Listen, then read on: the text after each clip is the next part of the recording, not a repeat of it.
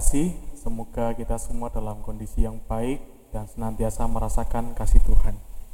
Tak terasa kita sudah masuk dalam masa prapaskah yang juga kita nyatakan melalui aksi puasa kita bersama. Di dalam aksi puasa yang kita lakukan, ada satu hal yang juga perlu kita cermati, yaitu tentang bersedekah.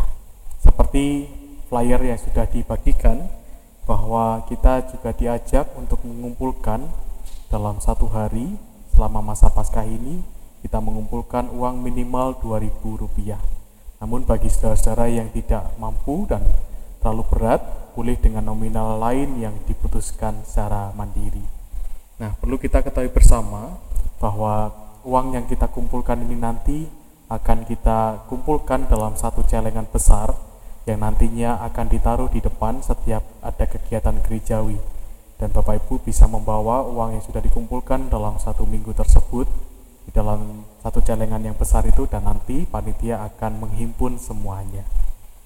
Nah, yang perlu kita ketahui bersama adalah kita melalui aksi celengan puasa Paskah yang akan kita jalankan saat ini, hasil seluruhnya akan diberikan kepada Yayasan Kemah Peduli Sahabat Kasih yang berada di Cisau, di Tangerang. Yayasan, yayasan ini Bapak Ibu Saudara secara khusus merawat dan menangani orang-orang dengan gangguan jiwa. Yayasan ini dimiliki oleh Bapak Immanuel dan sudah berjalan kurang lebih 13 tahun. Yayasan ini juga berjalan secara mandiri, itu berarti Bapak Immanuel dan juga keluarganya lah yang dari awal sampai hari ini mengelola yayasan ini. Ada sekitar 40 saudara-saudara kita yang sedang mengalami gangguan kejiwaan yang dirawat oleh Bapak Immanuel dan mereka membutuhkan uluran tangan kita. Secara khusus saat ini mereka membutuhkan kebutuhan untuk lauk pauk setiap hari dan mereka pun juga menggumulkan tempat yang lebih permanen dan mereka masih juga terus berdoa untuk membeli sebidang tanah. Oleh karena itu, celengan yang akan kita berikan kiranya bisa memberi semangat dan juga pertolongan dan sekaligus penghiburan dan berkat bagi Bapak Immanuel dan keluarga dan bagi setiap orang yang menjadi bagian dari Yayasan Kemah Peduli Sahabat Kasih ini. Dan biarlah ketika kita mengumpulkan dan berbagi kepada mereka, kasih Tuhan boleh terus kita rasakan dan kita pun berbagi dengan sukacita. Selamat menjalani masa puasa Paskah. Tuhan memberkati.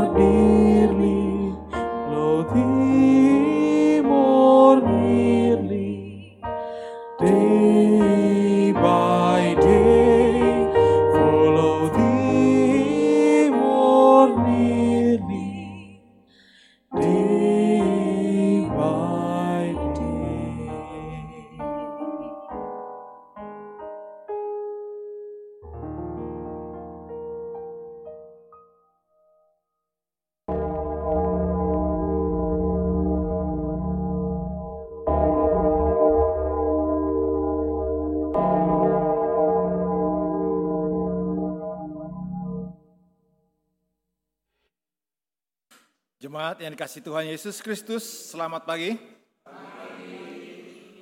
Puji syukur kita panjatkan kehadirat Tuhan yang Maha Kuasa, karena begitu besar kasihnya kepada kita semua. Sehingga kita boleh berkumpul dan beribadah kembali di tempat ini secara hybrid dan juga live streaming melalui kanal YouTube GKI Sarwa Indah. Bagi Bapak, Ibu, Saudara, Saudari yang baru pertama kali mengikuti ibadah hybrid dan live streaming melalui kanal YouTube GKI Sarwa Indah, kami mengucapkan selamat datang dan selamat bergabung dalam persekutuan di GKI Sarwa Indah. Pokok-pokok warta untuk hari ini adalah sebagai berikut. Satu, kebaktian umum Minggu Prapaskah 2 pada pagi ini dilayani oleh Pendeta Thomas Kartomo dari GKI Maleo Raya. Kedua, kebaktian remaja diadakan pada hari ini Minggu 25 Februari 2024, tema Berjumpa Tuhan di Pasar. Pembawa firman, Penatua Tommy Indra Kusuma, Majelis Pendamping Penatua Christopher Lubis, tempat ruang ibadah remaja sekolah Nusa Indah. Mohon perhatian jemaat. Ketiga, latihan paduan suara gabungan untuk Paskah. Kami mengundang Bapak Ibu Saudara untuk bergabung dalam paduan suara gabungan untuk Paskah yang akan mulai berlatih pada hari ini tanggal 25 Februari 2024 waktu setelah ibadah selesai. Demikian undangan kami sampaikan. Terima kasih. Empat, Komisi Diakonia. Pembagian dana gota akan diadakan pada hari Rabu 28 Februari 2024 pukul 13 sampai 16 WIB tempat sekretariat. Mohon perhatian jemaat dan penerima gota. 5. Perlawatan Komisi Anak GKI Klasis Jakarta 2 akan diadakan hari Minggu 25 Februari 2024 pukul 9.30 tempat sekretariat. Mohon perhatian dan dukungan doa jemaat. Perlawatan umum rutin jemaat atau PURJ tahun 2024 dari BPMK GKI Klasis Jakarta 2 akan diadakan hari Senin tanggal 4 Maret 2024 pukul 19 WIB tempat Sekretariat GKI Sarwa Endah yang di pengumuman sebelumnya disebutkan online ternyata dari klasis meminta secara onsite. Pelawak dari BPMK GKI Klasis Jakarta 2 adalah sebagai berikut. Satu, Pendeta Marvan Taha- Tahakama, Taha- Tahamata. Dua, Penatua Cintano, eh, Cin, Caturningrum Kompronita. Tiga, Penatua Krishna Octavianus Dwi Putra. Mohon perhatian dan dukungan doa dari jemaat. 6. Berita sukacita. Majelis Jemaat dan Simpatisan GKI Sarwa Indah mengucapkan selamat atas kehadiran dan kelahiran An- Anaya Serahia, putri anak pertama dari Bapak Elkan Wat Hia dan Ibu Iman Jaya Hia atau Ibu Intan Hia pada hari Selasa 13 Februari 2024. Alamat rumah Pamulang Permai 2, Jalan Benda Timur 13, Blok E 19 nomor 27. Kelurahan Benda Baru Kecamatan Pamulang. Tuhan Yesus memberkati. Tujuh, bidang persekutuan dan keesaan. PA online akan diadakan kembali pada hari Kamis 29 Februari 2024 waktu pukul 19.30 WIB tema mengelola hikmat pembawa firman penatua Emmanuel Marina majelis pendamping penatua Yohanes Sutagalung MC Ibu Yuliana M. Buki tempat Zoom virtual meeting. Mohon perhatian dan partisipasi jemaat. Persekutuan doa pagi akan kembali diadakan pada hari Sabtu tanggal 2 Maret 2024 waktu pukul 6 WIB. Pembawa firman Ibu Hartati Sembiring, Majelis Pendamping Penatua Rudi Aston Siagian, Piket Penatua M. Mangi Safang, dan Pendeta Christian Dewantara tempat Zoom virtual meeting. Mohon perhatian dan partisipasi jemaat. Kedelapan, celengan aksi Paskah. Jemaat dipersilahkan memasukkan uang yang dikumpulkan dalam aksi puasa Paskah ke dalam celengan yang telah tersedia di meja penerima jemaat. Mohon perhatian dan dukungan jemaat. Kesembilan, retret pengurus Komisi Dewasa Klasis Jakarta II akan dilaksanakan pada hari Sabtu sampai Minggu tanggal 2 sampai tanggal 3 Maret 2024 tempat Taman Bukit Palem Resort Bogor. Tema Learn to be a leader through service. Pembicara Pendeta Adi Soselia Patiabara dari GKI Kapling Polri. Putusan ke Kaisarwa Indah adalah sebagai berikut. Pertama, Ibu Francisca Tangke, Ibu Helena Siboro eh, Simajuntak, Ibu Hartati Sembiring, empat, Bapak Fitrianus. Mohon perhatian dan dukungan dari jemaat. Sepuluh, Atestasi keluar. Majelis Jemaat GKI Sarwa Indah telah menerima permohonan atestasi keluar atas diri Bapak Adri Kristato, Kristano Yoe nomor induk anggota 381.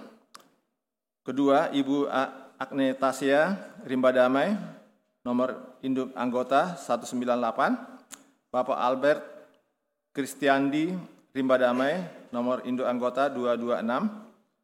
Selamat melayani gereja yang baru, Tuhan Yesus memberkati. 11. Ucapan terima kasih.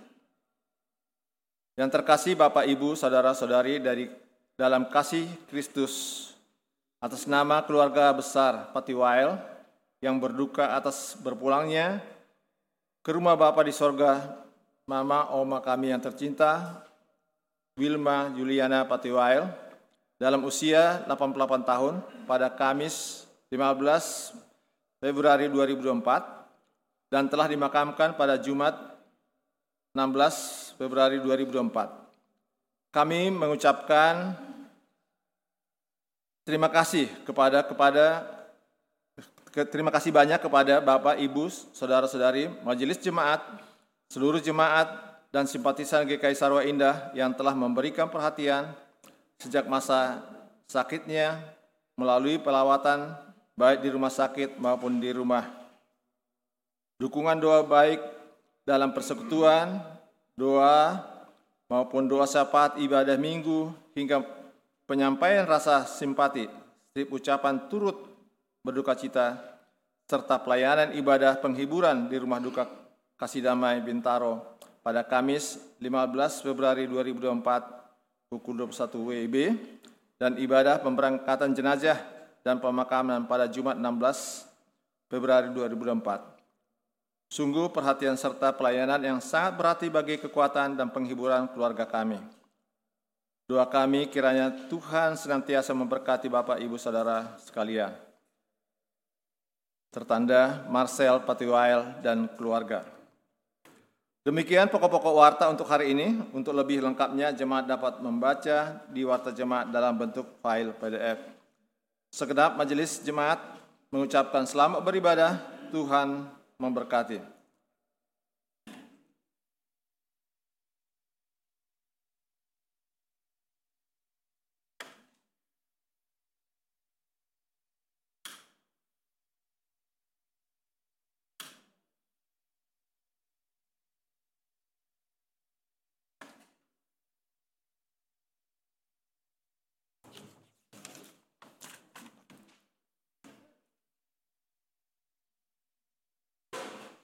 Liturgi berhimpun. Langit menceritakan kemuliaan Allah dan cakrawala memberitakan pekerjaan tangannya.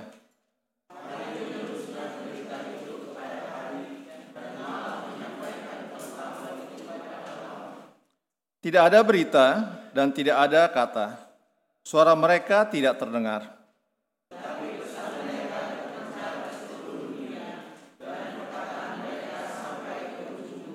Jemaat kami undang bangkit berdiri. Kita menyanyikan NKB 5 ayat 1 sampai 2.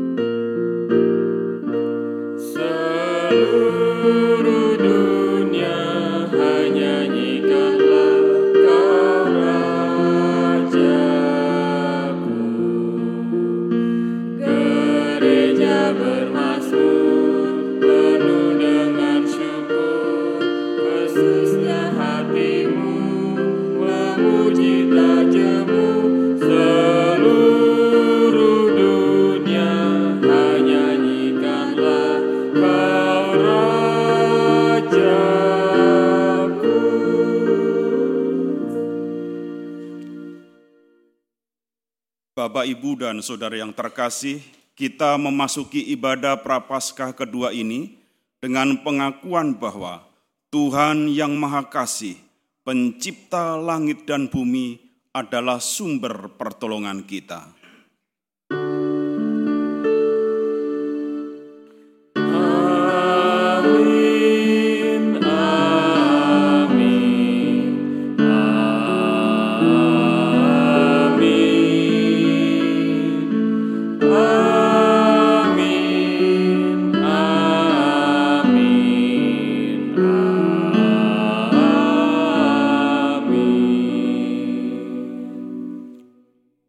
Kasih, karunia, dan damai sejahtera dari Allah Bapa kita dan dari Yesus Kristus menyertai saudara sekalian.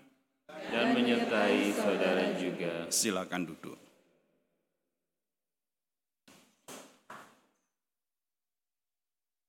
Hidup berdasarkan iman sering harus berhadapan dengan berbagai kesulitan. Ketika kesulitan hidup berlanda, ketika apa yang kita harapkan tidak sesuai dengan kehendak Allah, iman kita diuji. Hidup berdasarkan iman berarti mengikut jalan Allah sekalipun tak sesuai dengan harapan kita. Faith is taking the first step even when you don't see the whole staircase. Iman membawa kita menjejakkan kaki ke anak tangga pertama, sekalipun kita tidak dapat melihat keseluruhan tangga tersebut. Kita nyanyikan KJ 416.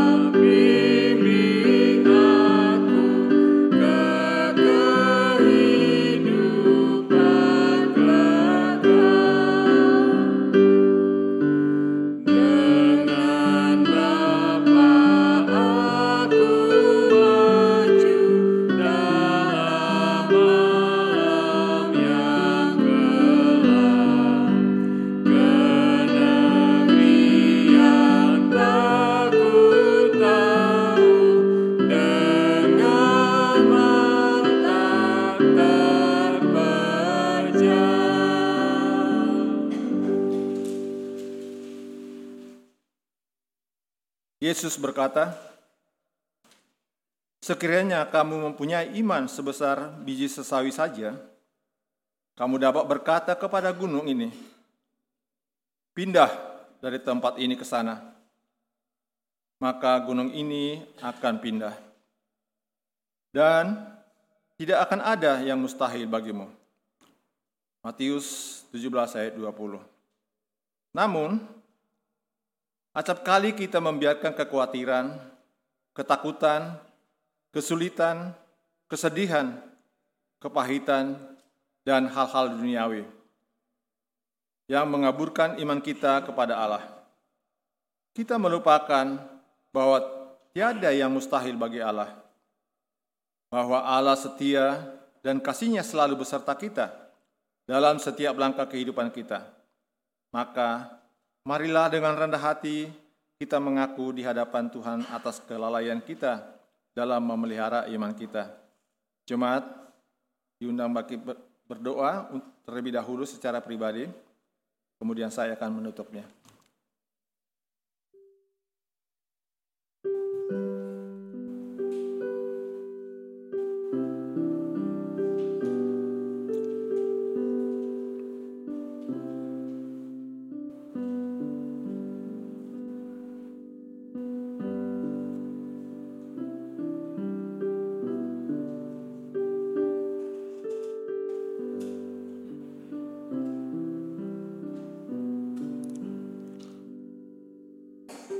Ya Tuhan, kami sering kali membiarkan kekhawatiran, ketakutan, kesulitan, kesedihan, dan kepahitan dalam kehidupan kami ya Tuhan. Sehingga terkadang iman kami tergoncang kepadamu ya Allah. Kami sering, sering lupa ya Tuhan, bahwa kami acap kali mengabaikan kasih-Mu ya Allah. Kami mohon kehadirat-Mu ya Bapa. Ampunilah segala kekhawatiran kami ya Tuhan. Segala perbuatan kami yang tidak layak kehadirat-Mu. Teguhkanlah ya Tuhan iman kami sehingga kami layak di hadapan-Mu. Terima kasih Bapa. Amin.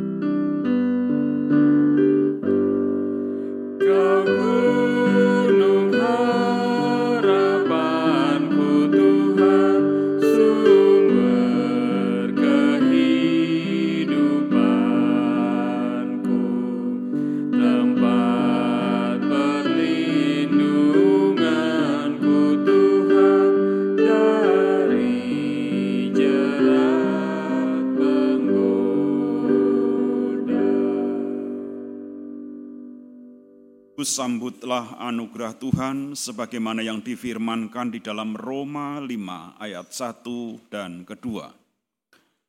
Sebab itu kita yang dibenarkan karena iman hidup dalam damai sejahtera dengan Allah melalui Tuhan kita Yesus Kristus. Melalui Dia, kita juga beroleh jalan masuk oleh iman ke dalam anugerah ini. Di dalam anugerah ini, kita berdiri dan kita bermegah dalam pengharapan akan menerima kemuliaan Allah.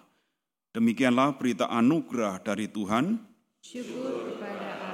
Marilah kita nyatakan syukur kita dengan wujudkan salam damai dengan saudara-saudara kita. Damai Tuhan besertamu.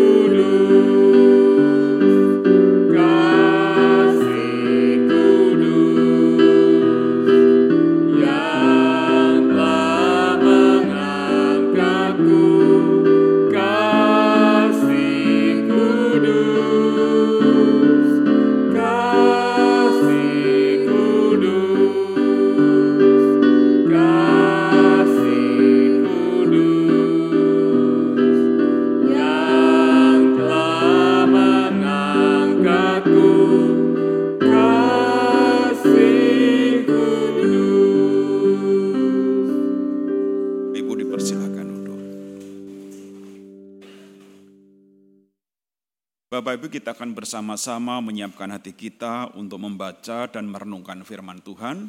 Untuk itu mari kita bersama-sama berdoa mohon bimbingan roh kudus agar menerangi pikiran dan hati kita.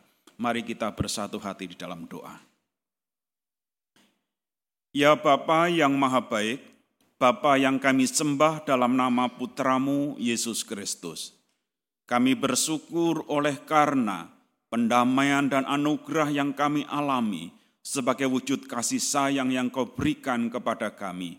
Dan pendamaian itulah yang memungkinkan kami boleh hidup dalam damai dengan saudara-saudara kami. Dan itulah yang membuat kami bersuka cita hidup dalam kasih yang kami rasakan sekarang ini.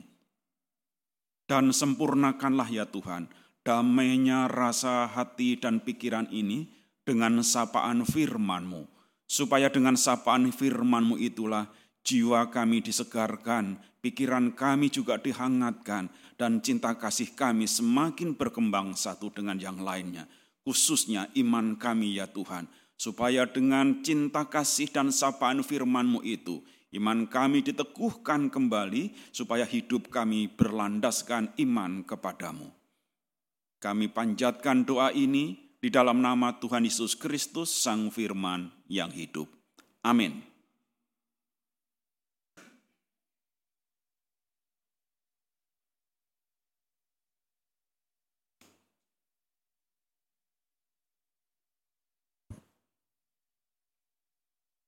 Bacaan pertama, pembacaan kitab Kejadian pasal 17 ayat 1 sampai dengan ayatnya yang ke-17. Dilanjutkan ayatnya yang ke-15 sampai dengan ayatnya yang ke-16.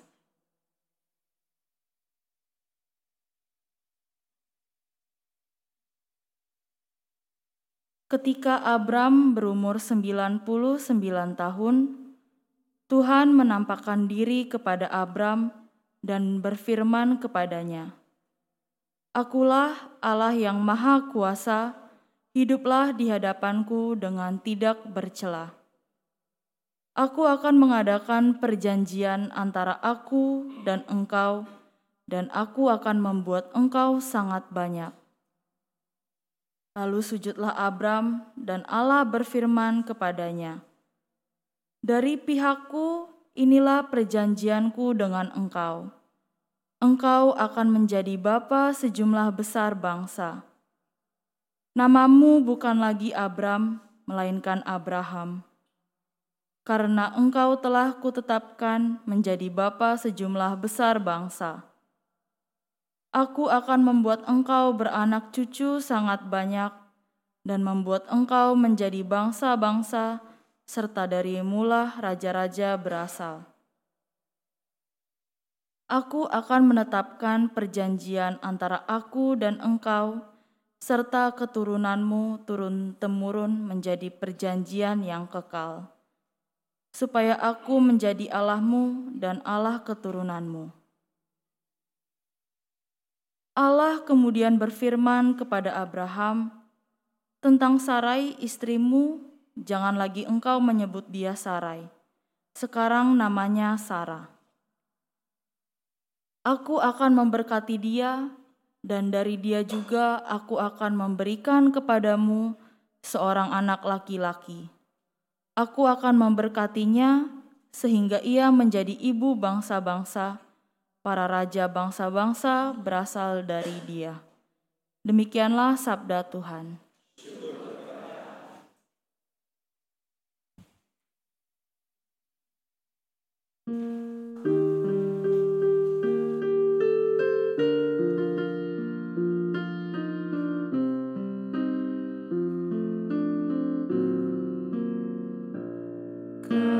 Tuhanlah yang punya kerajaan yang memerintah bangsa-bangsa.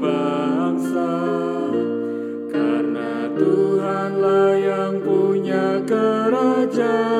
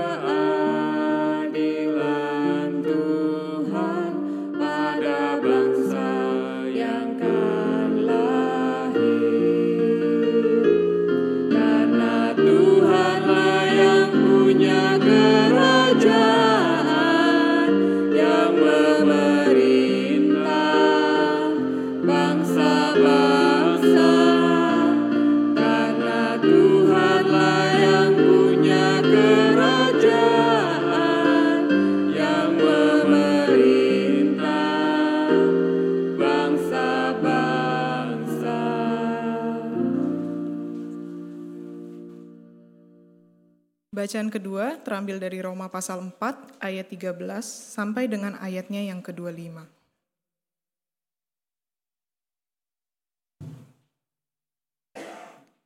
Sebab janji kepada Abraham dan keturunannya bahwa ia akan memiliki dunia bukan berdasarkan hukum Taurat, melainkan berdasarkan pembenaran melalui iman.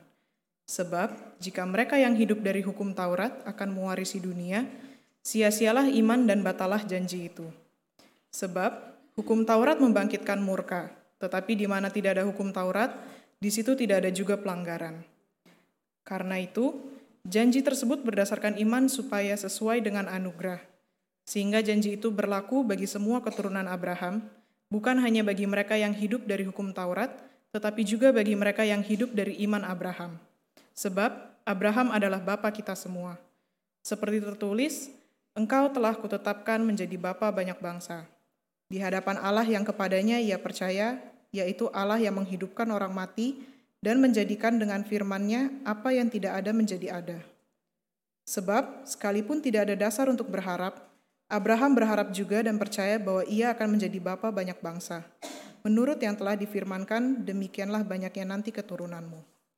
Imannya tidak menjadi lemah, walaupun ia menyadari bahwa tubuhnya sudah seperti mati, karena ia sudah berusia kira-kira 100 tahun dan bahwa rahim Sarah telah mati.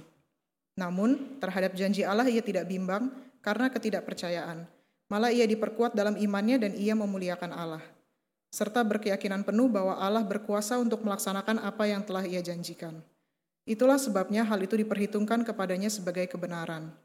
Kata-kata hal itu diperhitungkan kepadanya tidak ditulis untuk Abraham saja, tetapi ditulis juga untuk kita. Sebab kepada kita pun Allah memperhitungkannya, karena kita percaya kepada dia yang telah membangkitkan Yesus Tuhan kita dari antara orang mati, yaitu Yesus yang telah diserahkan karena pelanggaran-pelanggaran kita dan dibangkitkan untuk pembenaran kita. Demikianlah sabda Tuhan.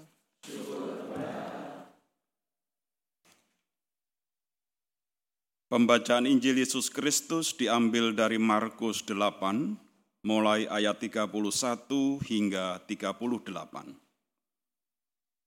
Markus 8, mulai ayat 31 hingga 38. Pemberitahuan pertama tentang penderitaan Yesus dan syarat-syarat mengikut Dia. Yesus mulai mengajarkan kepada mereka bahwa anak manusia harus menanggung banyak penderitaan dan ditolak oleh tua-tua, imam-imam kepala, dan ahli-ahli Taurat, lalu dibunuh dan bangkit sesudah tiga hari. Hal ini dikatakannya dengan terus terang Petrus menarik Yesus ke samping dan mulai menegur dia. Lalu berpalinglah Yesus dan sambil memandang murid-muridnya ia menegur Petrus dengan keras, Enyahlah iblis, sebab engkau bukan memikirkan apa yang dipikirkan Allah, melainkan apa yang dipikirkan manusia.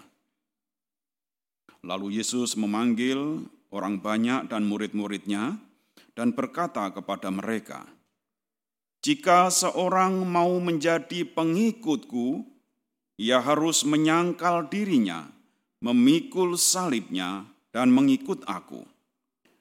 Karena siapa saja yang mau menyelamatkan nyawanya, ia akan kehilangan nyawanya.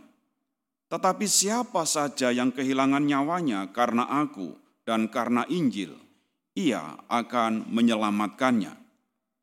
Apa gunanya seorang memperoleh seluruh dunia, tetapi ia kehilangan nyawanya? Apakah yang dapat diberikannya sebagai ganti nyawanya?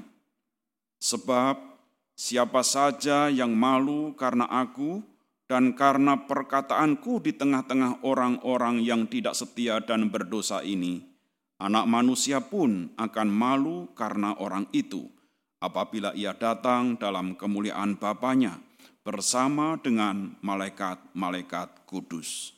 Demikianlah Injil Yesus Kristus, berbahagialah setiap kita yang mendengarkan firman Allah dan yang memelihara dalam kehidupan sehari-hari. Hosiana.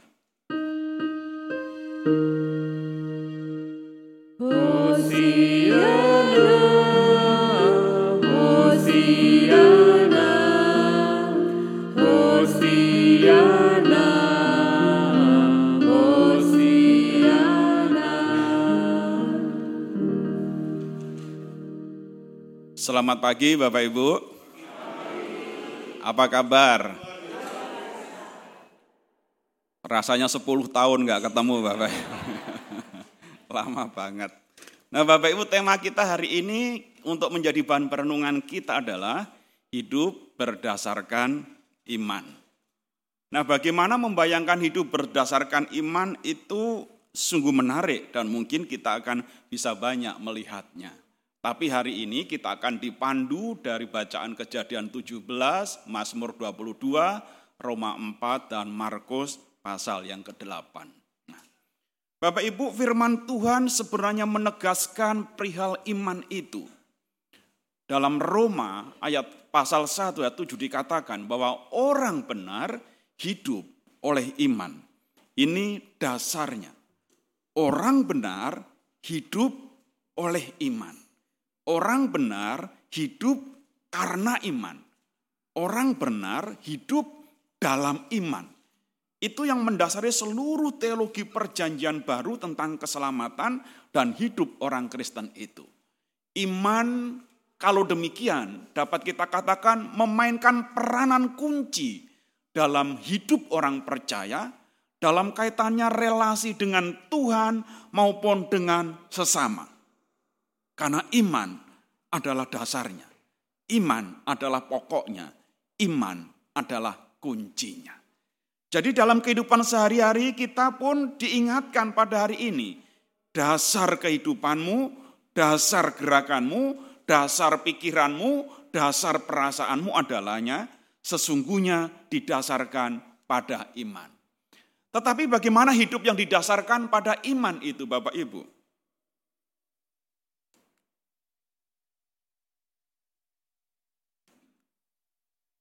Next, oke, okay, bantu. Ya. Iman bukan hanya soal keyakinan. Iman bukan persoalan teologis saja. Tetapi iman itu menyangkut soal sikap dan tindakan kita serta hubungan kita dengan Tuhan dan sesama. Jadi iman bukan persoalan spiritual saja. Iman juga menyangkut persoalan sosial kita. Karena iman berbicara tentang bagaimana kita membangun hubungan dengan Tuhan yang di atas dengan sesama kita yang secara horizontal. Jadi iman tidak berbicara tentang yang spiritual, tetapi juga yang sosial. Ketika iman seseorang itu bagus, tetapi sikap dan perkataannya kepada sesama jelek alias tidak bagus, maka iman itu sesungguhnya adalah mati. Jadi ini hubungannya antara iman yang vertikal dengan iman yang katanya yang sosial Iman kepada yang atas bagus, tetapi yang kepada yang horizontal jelek, maka imannya adalah iman yang mati. Demikian pernyataan dari Yakobus. Kalau saya boleh katakan, parafrasekan dalam kalimat yang lain Bapak Ibu.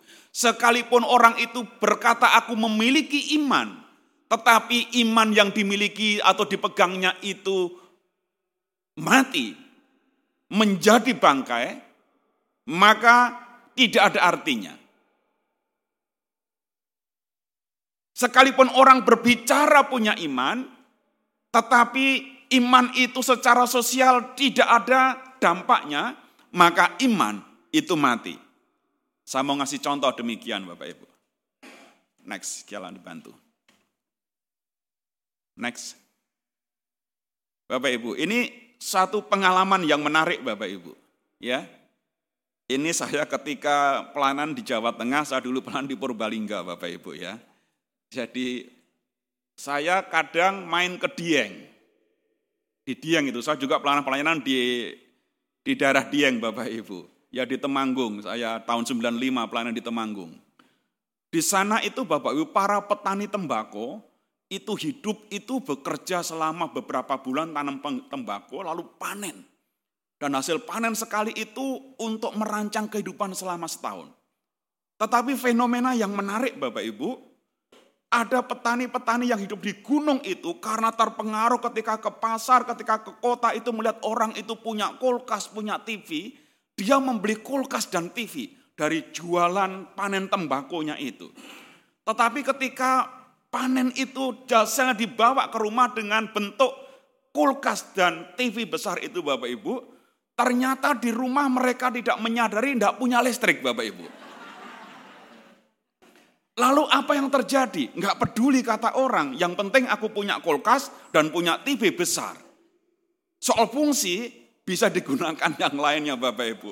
Jadi kulkas yang mestinya sebagai mesin pendingin itu Bapak Ibu, ternyata kalau dikunjungi dijadikan tempat laci atau lemari untuk baju-bajunya dan juga untuk nyimpen Alkitabnya. Ini kulkas berfungsi sebagai lemari. Kenapa? Kulkasnya mati. Gak jalan sebagaimana mestinya.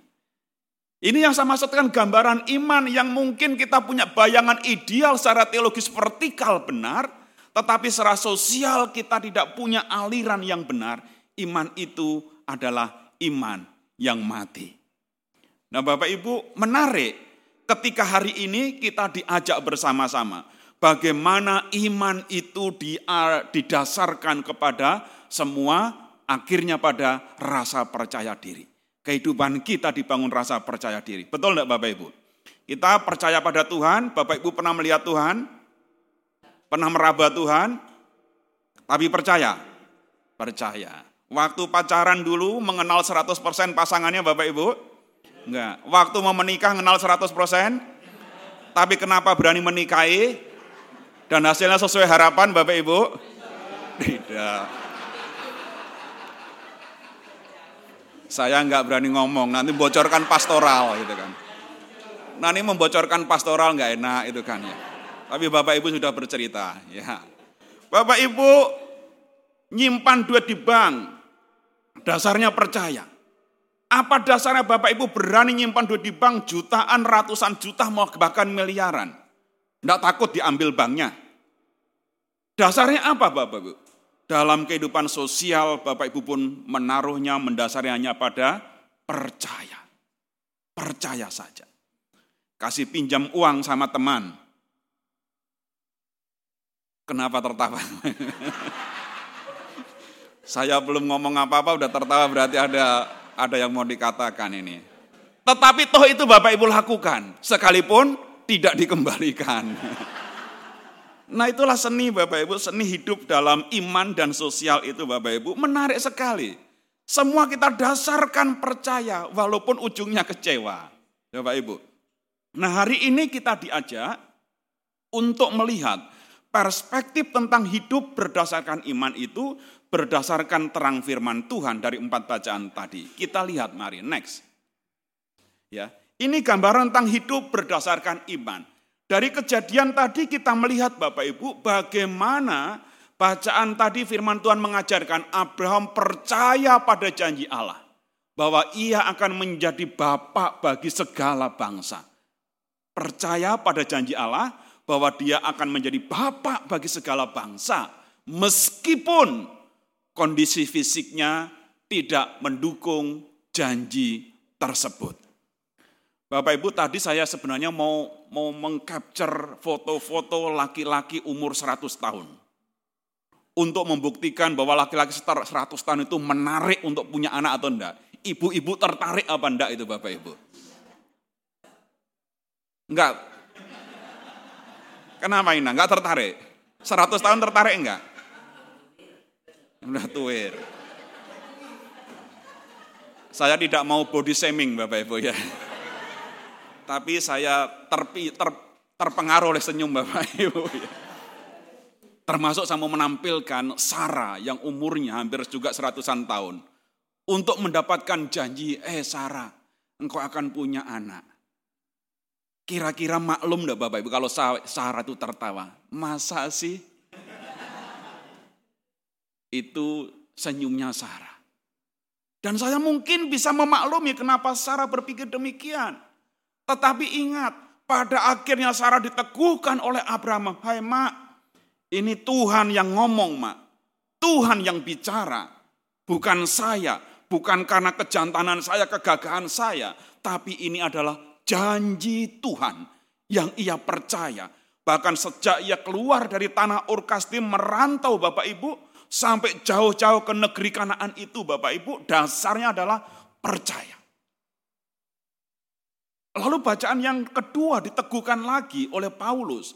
Apa yang dikatakan bahwa iman adalah kunci untuk menerima janji. Bagaimana Abraham bisa mendapatkan janji itu?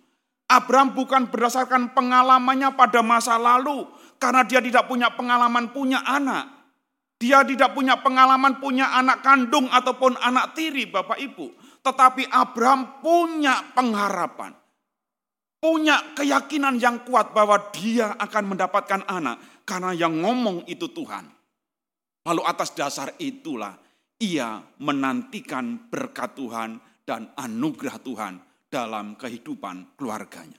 Dan Paulus menambahkan, karena iman itulah maka orang percaya menaruh pengharapan kepada janji Allah dan berkat-berkat Allah. Bapak Ibu, Opa Oma, Opung mendoakan cucunya enggak? Nak, supaya nanti kamu masa depanmu menjadi anak yang terberkati. Pernah berdoa seperti itu? Sering mendoakan anaknya sekolah didoakan supaya engkau memiliki masa depan yang gemilang. Kehidupanmu tidak susah, tetapi dalam kejayaan. Pernah seperti itu Bapak Ibu? Dasarnya apa? Kita percaya kepada janji Allah. Kita percaya kepada janji yang akan memberkati anak-anak dan cucu-cucu kita. Amin Bapak Ibu. Dan itu ditegaskan oleh Paulus di dalam surat Roma pasal yang keempat ini. Lalu apalagi yang ditunjukkan Bapak Ibu?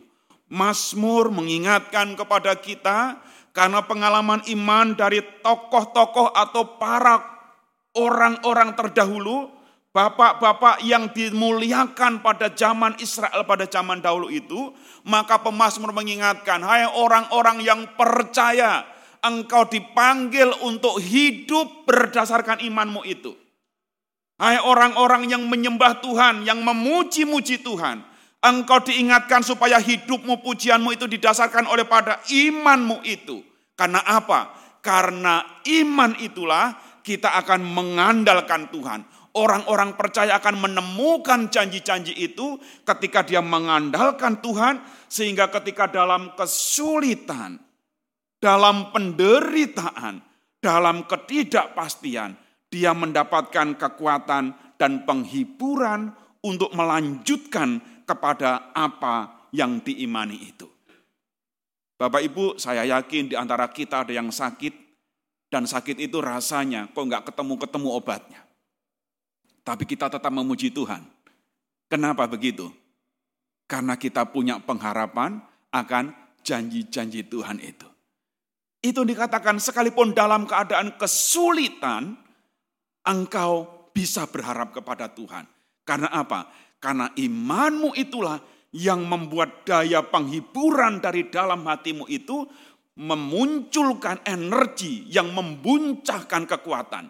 Sehingga engkau bisa menjadi tabah dan kuat, bahkan sabar di dalam menanggung segala penderitaan dan kekurangan. Daud mengingatkan itu. Lalu pada bacaan Injil Bapak Ibu, Yesus mengajarkan Bagaimana hidup mengikut Kristus itu harus didasari pada iman yang benar, iman yang kokoh, dan iman yang dipandu juga dengan kesetiaan. Mengikut Yesus bukanlah satu perjalanan yang gampang, tapi perjalanan spiritual yang tidak mudah.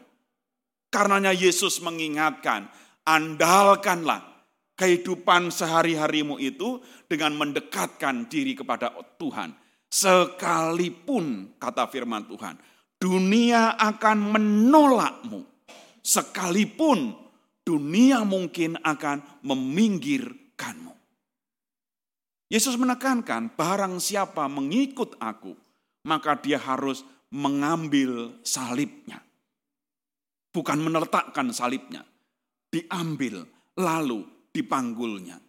Itulah gambaran suatu kesadaran bahwa ketika kita mau mengatakan aku percaya kepada Yesus Kristus itu bukan yang dilihat adalah janji berkat yang di depannya akan menjadi hidup berkelimpahan. Tapi Yesus mengingatkan, ketika engkau percaya dan mengikut aku, maka sontak saat itu tolehlah ke sampingmu. Di situ ada salibmu. Dan mulai saat itu ketika engkau mengatakan, aku percaya kepada Yesus Kristus, pada saat yang sama tanganmu harus merengkuh salibmu itu dan kau letakkan di atas pundakmu untuk melangkah ke depan.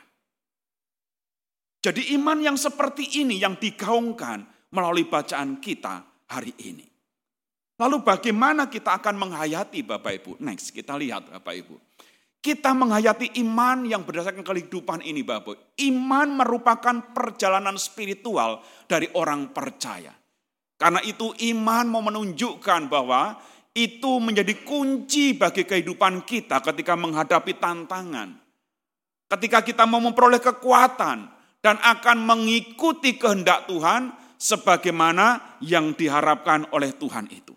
Iman akan membimbing kita untuk memperoleh keselamatan dengan cara taat dan setia. Oleh iman juga Bapak Ibu membuat orang percaya bisa teguh pendiriannya kepada Allah. Kita bisa bergantung kepada Tuhan dan juga kita siap untuk selalu mengandalkan Tuhan agar kita bisa setia. Bapak Ibu ada nilai-nilai teologis yang mau saya sampaikan kepada kita sekalian ketika kita hidup berdasarkan iman. Next. Ada enam poin yang mau saya sampaikan. Yang pertama, hidup berdasarkan iman secara teologis adalah yang pertama. Kita diajak untuk meneguhkan tentang kebergantungan kita kepada Allah. Jadi hidup berdasar iman adalah hidup yang menggantungkan diri kepada Allah.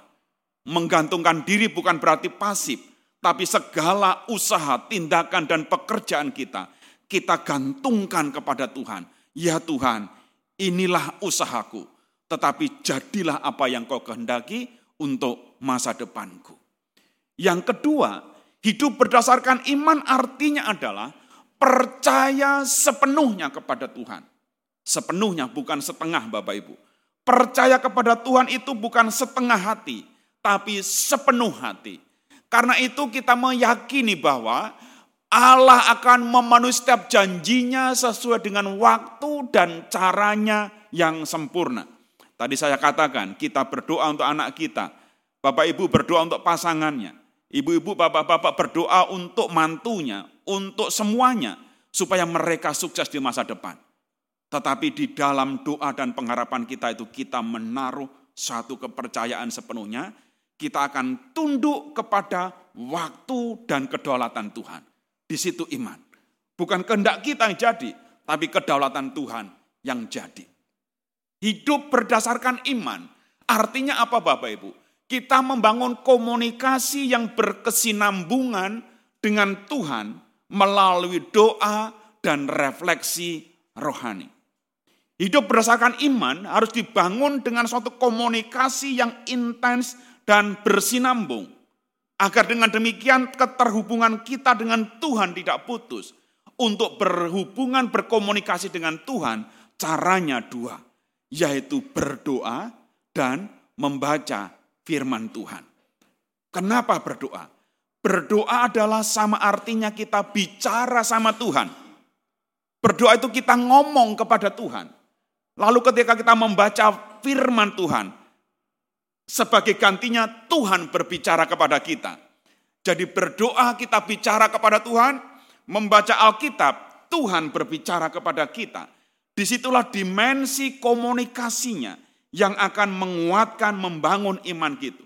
Dalam doa dan refleksi dari kehidupan melalui pembacaan firman Tuhan. Next, yang keempatnya Bapak Ibu, hidup berdasarkan iman itu berarti sabar dan tabah dalam kesulitan. Kuncinya sabar Bapak Ibu. Sabar dan tabah. Sabar itu artinya mau menantikan entah kapan pun datangnya apa yang kita harapkan. Tabah itu artinya mau bertahan sekalipun dalam kesulitan, dalam kesesakan. Jadi hidup yang berdasarkan janji-janji Tuhan, Tuhan menjanjikan ini dan menjanjikan itu. Kita sabar menanti datangnya waktu pemenuhan janji itu. Tetapi di dalam menantikan itu kita diharapkan tabah. Karena dalam kondisi setiap kita situasinya berbeda-beda. Ada orang yang mungkin jalannya gampang, mudah, dan mulus. Tetapi orang ada jalannya yang mungkin berliku-liku. Ada orang yang dalam menantikan mungkin kondisinya sehat walafiat. Tapi ada orang yang dalam menantikan janji Tuhan dalam kondisi yang tidak sehat dan mungkin dalam kesesakan. Dan pada saat itulah artinya sabar dan tabah menjadi penting untuk diaplikasikan. Lalu yang kelima adalah setia dalam kehidupan sehari-hari. Iman dalam relasi dengan Tuhan, salah satu kuncinya untuk menang, menjaga kesinambungannya adalah sikap setia. Sama halnya dalam relasi suami istri Bapak Ibu. Suatu relasi itu akan menjadi baik jika dibangun dengan kesetiaan. Tetapi relasi itu akan putus, akan hancur, dan akan menjadi robek ketika kesetiaannya diingkari. Demikianlah relasi kita dengan Tuhan. Kesetiaan dalam kehidupan sehari-hari, apa pun yang kita tindakkan, apa pun yang kita katakan. Dan yang keenam, bagaimana membangun dasar kehidupan didasarkan pada iman itu?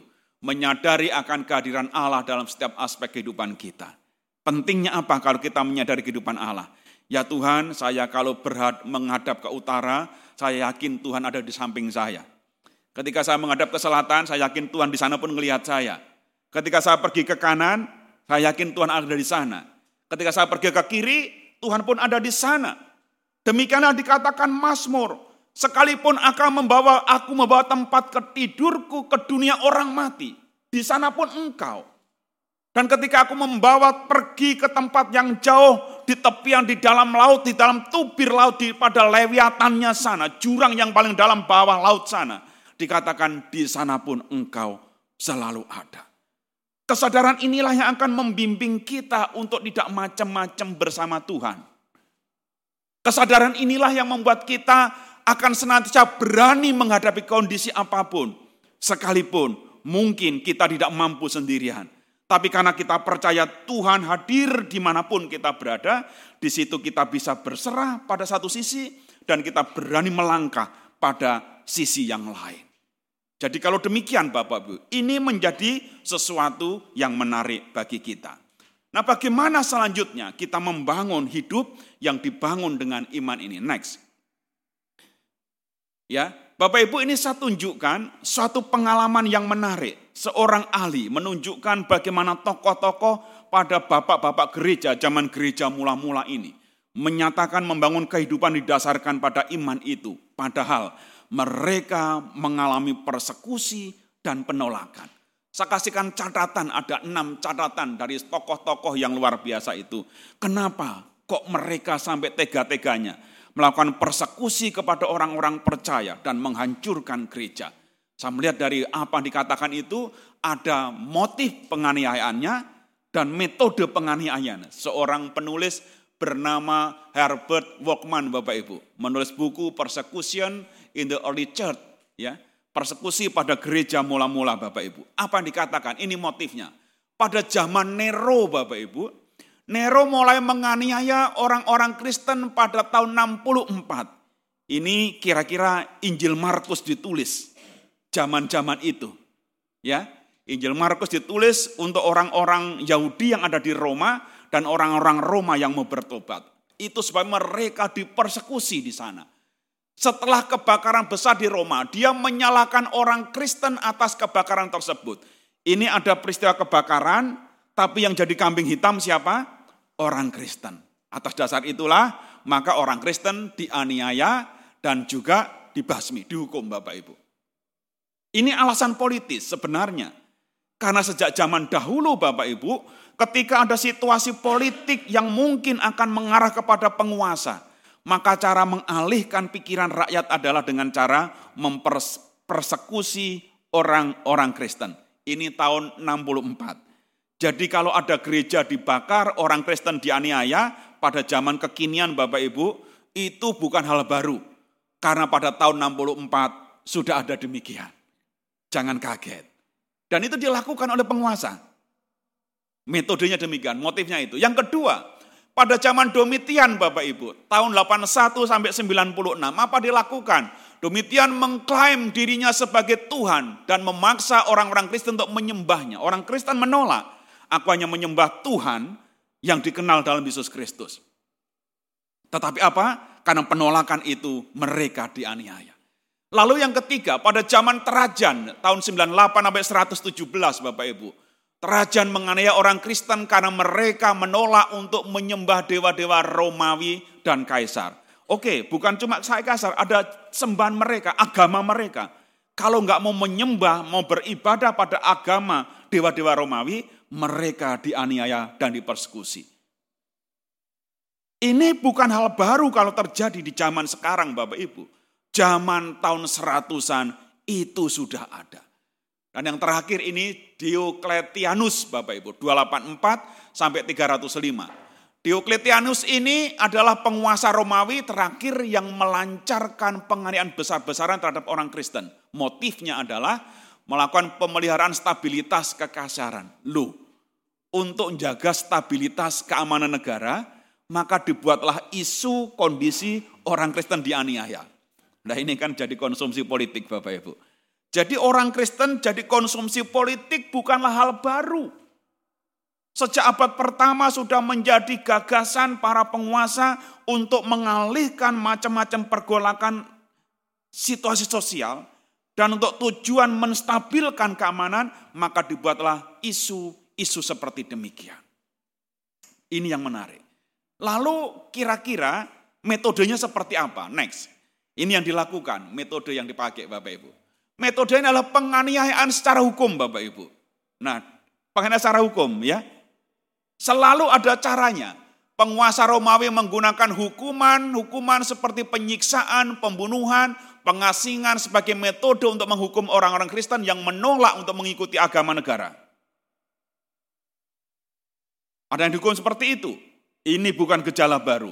Pada zaman dahulu sudah ada. Penganiayaan publik, orang-orang Kristen sering dijadikan tontonan publik dalam permainan gladiator.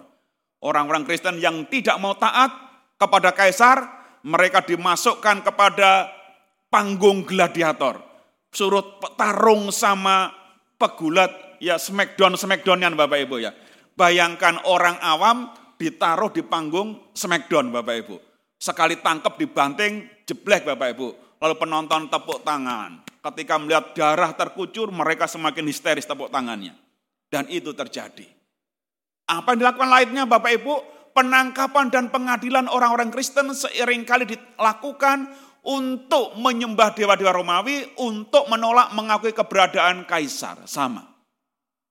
Penangkapan dan pengadilan. Dan yang terakhir, penolakan kewarga pekerjaan dan kewarga negaraan. Jadi orang Kristen ditolak di tempat kerja dan tidak diakui sebagai warga negara. Di zaman baru ada Bapak Ibu, jadi orang Kristen susah sekali nyari pekerjaan di negara? Gak ada ya, aman terkendali di Indonesia. Puji Tuhan, Bapak. Loh, gimana ini? Jadi pimpinan gampang Bapak Ibu? Jadi kepala bagian gampang? Itu bukan hal baru. Pada zaman Romawi sudah ada dan dipakai oleh kekaisaran untuk meminggirkan orang-orang Kristen. Pertanyaannya lantas, apakah semuanya itu menyurutkan iman orang Kristen? Next. Bapak Ibu menarik sekali, sekalipun melalui bagai macam itu, berbagai metode dan motif dilakukan untuk menyiksa, menganiaya, dan juga untuk menghancurkan orang Kristen itu, tetapi yang terjadi adalah semakin dihambat, semakin merambat. Semakin dihadang, semakin berkembang. Aneh bukan? Karena apa? Orang Kristen mendasarkan hidupnya kepada iman itu. Jadi iman pada saat itu diyakini sebagai suatu kekuatan. Dalam bahasa yang lebih politik dikatakan demikian. Iman adalah sayap yang memungkinkan jiwa untuk terbang ke alam yang tak terjangkau oleh mata, tak dapat dilihat oleh mata, tetapi dapat diakses oleh hati yang penuh percaya. Inilah yang membuat mereka kuat dalam menanggung penderitaan. Iman itu mungkin tidak dapat dilihat secara kasat mata, janji-janji Tuhan itu, tapi dapat dirasakan oleh hati yang percaya. Bapak Ibu mungkin tidak menyadari kehadiran Tuhan di sekitar kita, manakala ada kesedihan, kesusahan. Pernah tidak menyadari kehadiran Tuhan pada waktu suami istri bertengkar Bapak Ibu? Pernah? Adu mulut bla bla bla bla bla bla bla bla bla. Noleh Tuhan, eh ada Tuhan gitu kan ya. Pernah enggak? Tapi itu mau dinyatakan, di mana pun engkau, di situ Tuhan hadir loh. Ya, sekalipun tidak terlihat oleh mata, tapi sesungguhnya hati dapat merasakan. Setelah kita bertengkar, rasa hati nggak enak kan? Siapa yang ngorek-ngorek hati sehingga rasanya nggak enak Bapak Ibu? Karena Tuhan di sebelah kita pada waktu kita ngomong pong pong pong pong pong gitu kan ya Bapak Ibu. Itu tidak dilihat oleh mata, tapi semua didapat dirasakan oleh hati. Next, yang terakhir. Bapak Ibu, ini merupakan ajakan bagi kita. Iman memampukan kita untuk bertahan dalam kesulitan. Iman mengajarkan kita untuk mengandalkan janji-janji Allah dan hidup sesuai kehendaknya, meskipun kondisi kita sulit dan dunia mungkin menolak dan menghukum kita. Tapi orang percaya mendasarkan hidupnya pada iman, bukan pada sulitnya masalah dan juga banyaknya tekanan dan penolakan. Mari kita hidupi kehidupan ini dengan mendasarkan pada iman, sehingga dengan demikian hidup kita selalu menjadi orang-orang yang dikenankan oleh Tuhan. Tuhan memberkati kita sekalian. Amin.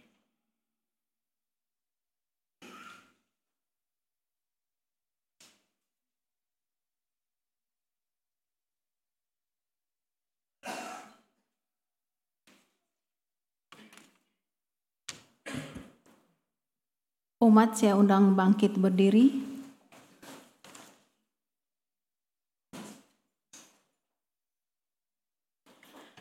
Marilah kita bersama dengan umat Allah di masa lalu, masa kini dan masa depan, mengingat pengakuan pada baptisan kita menurut pengakuan iman rasuli. Aku percaya kepada Allah, Bapa yang Maha Kuasa, Kalik langit dan bumi, dan kepada Yesus Kristus, anak yang tunggal Tuhan kita, yang dikandung dari roh kudus, lahir dari anak darah Maria, yang menderita sengsara, di bawah pemerintahan Pontius Pilatus, disalibkan, mati dan dikuburkan, turun ke dalam kerajaan maut. Pada hari yang ketiga, bangkit keluar dari antara orang mati, naik ke surga, duduk di sebelah kanan Allah, Bapa yang Maha Kuasa dan dari sana ia akan datang untuk menghakimi orang yang hidup dan yang mati. Aku percaya kepada Roh Kudus, gereja yang kudus dan am, persekutuan orang kudus, pengampunan dosa, kebangkitan orang mati, dan hidup yang kekal. Amin. Silakan duduk kembali.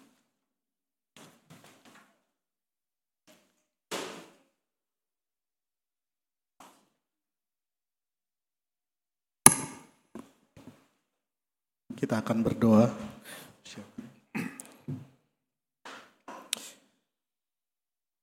Puji syukur Tuhan atas penyertaan Tuhan kepada kami, jemaatmu GKI Suara Indah. Kami juga bersyukur untuk Tuhan yang telah menanamkan iman kepada kami sejak semulanya sehingga kami boleh senantiasa bersabar, tabah di dalam penantian harapan kami Tuhan. Pada saat ini kami bersyukur kau telah mengirim Pak Thomas untuk menyampaikan firman ini khususnya mengenai iman sehingga kami boleh diingat kembali Tuhan. Biarlah Tuhan juga memelihara kehidupan Pak Thomas dan keluarga dan melalui pelayanannya Tuhan, semakin banyak orang mengetahui kebenaran dan terpanggil karena Tuhan sudah menanamkan iman di pada setiap orang. Terima kasih Tuhan. Kami juga dengan iman, kami percaya, kami boleh berharap untuk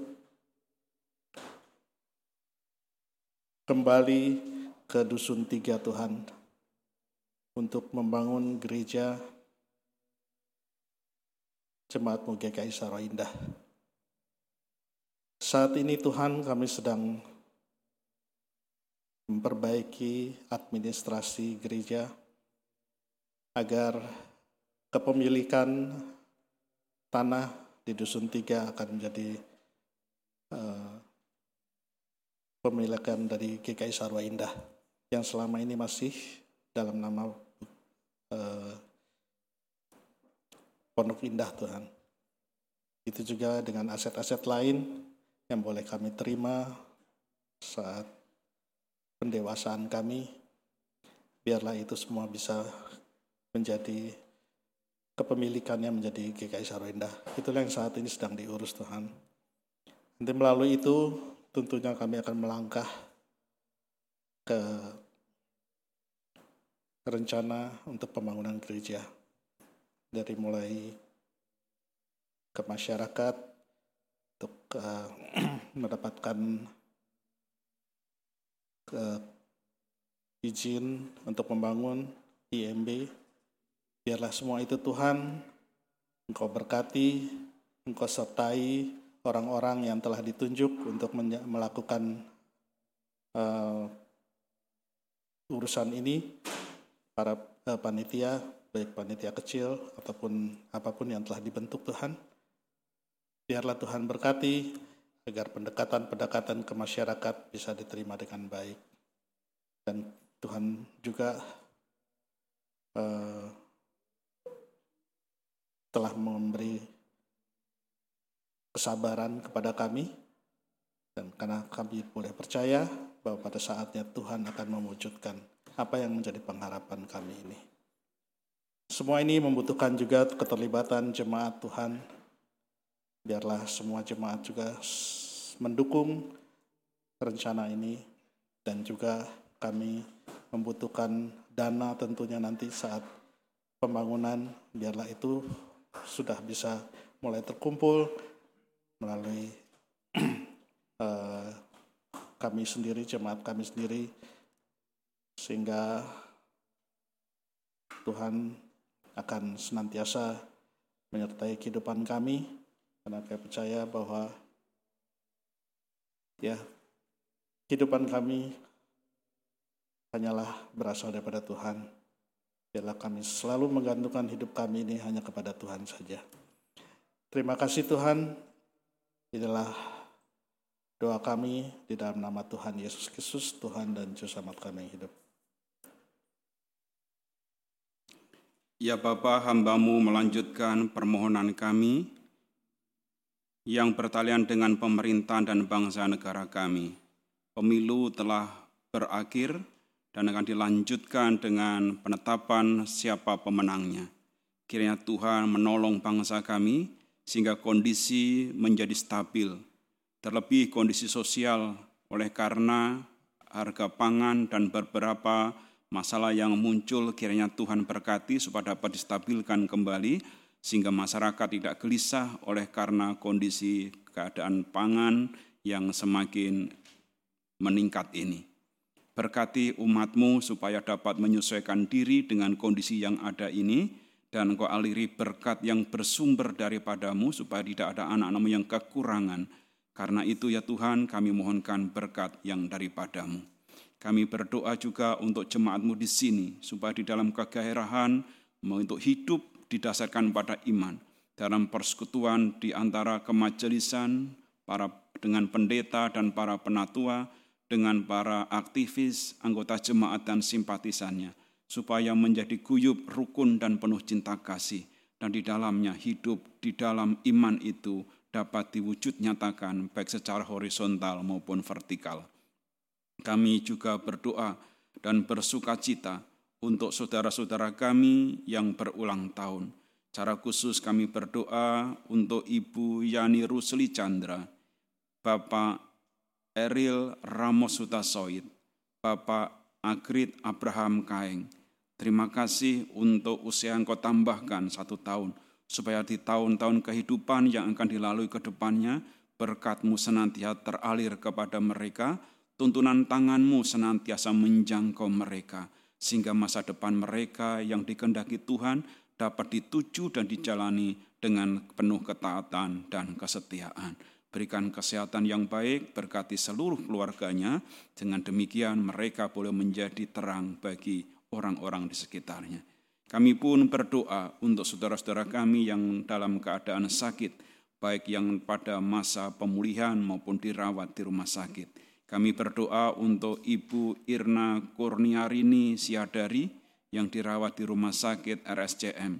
Kami juga berdoa untuk pemulihan bagi Ibu Mami Palon, Ibu Hana Panjaitan, Ibu Yulia Kristianti, Bapak RC Siagian, Bapak Rudi Pasaribu, Ibu Sri Herawati Hutasoid, Bapak Rafles Simamora, Ibu Ruslina Limbong Sagala, Bapak Hotma Tua Hutapea, Oma Sarah Jaya Sumadi, Bapak Bramadi Krisasta, Ibu Purnama Panjaitan, Ibu Kadek Wiryanti, Ibu Hartati Sembiring, Bapak Christian Hutagalung, Bapak Saud Raja Pasaribu, Bapak Frederick Henderson, pasca operasi, Ibu Nike Elizabeth Buki, Bapak Wahyu Hidayat, orang tua pendeta Christian Dewantara, Ibu Yohana Triani, Ibu pendeta dari pendeta Christian Dewantara, Ibu Maria Magdalena,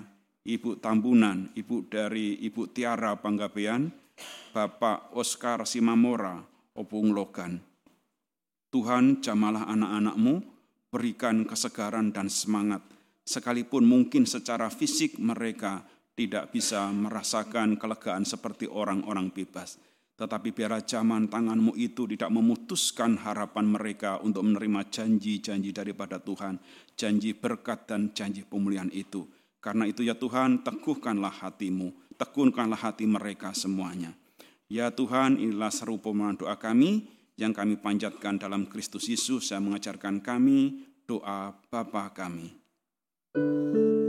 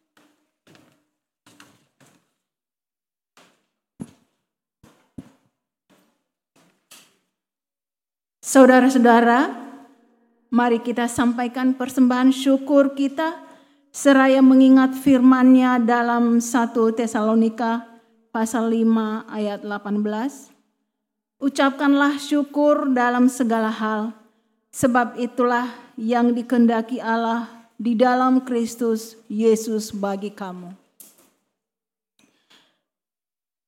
Kita menyanyikan.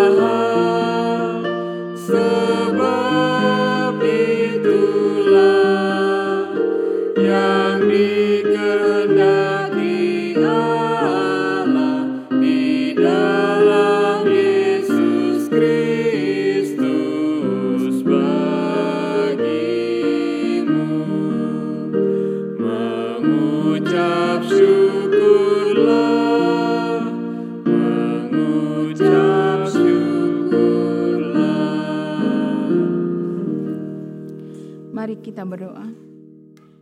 Tuhan Allah Bapa kami yang ada di surga, pada pagi hari ini kami mengucap syukur atas firman-Mu yang telah disampaikan oleh Pak Pendeta Thomas. Biarlah firman-Mu ini menjadi suluh dan terang dalam kehidupan kami hari lepas hari. Tuhan pada saat ini kami juga telah mengumpulkan persembahan kami sebagai ucapan syukur kami atas segala berkat yang Tuhan limpahkan kepada kami. Berkati Tuhan persembahan kami ini, agar menjadi kemuliaan namamu di surga. Berilah juga kami hikmatmu Tuhan, untuk mengelola persembahan ini, agar bisa menjadi, agar bisa dikelola dengan baik. Terima kasih Tuhan Yesus, hanya di dalam nama Tuhan Yesus Kristus kami berdoa. Amin.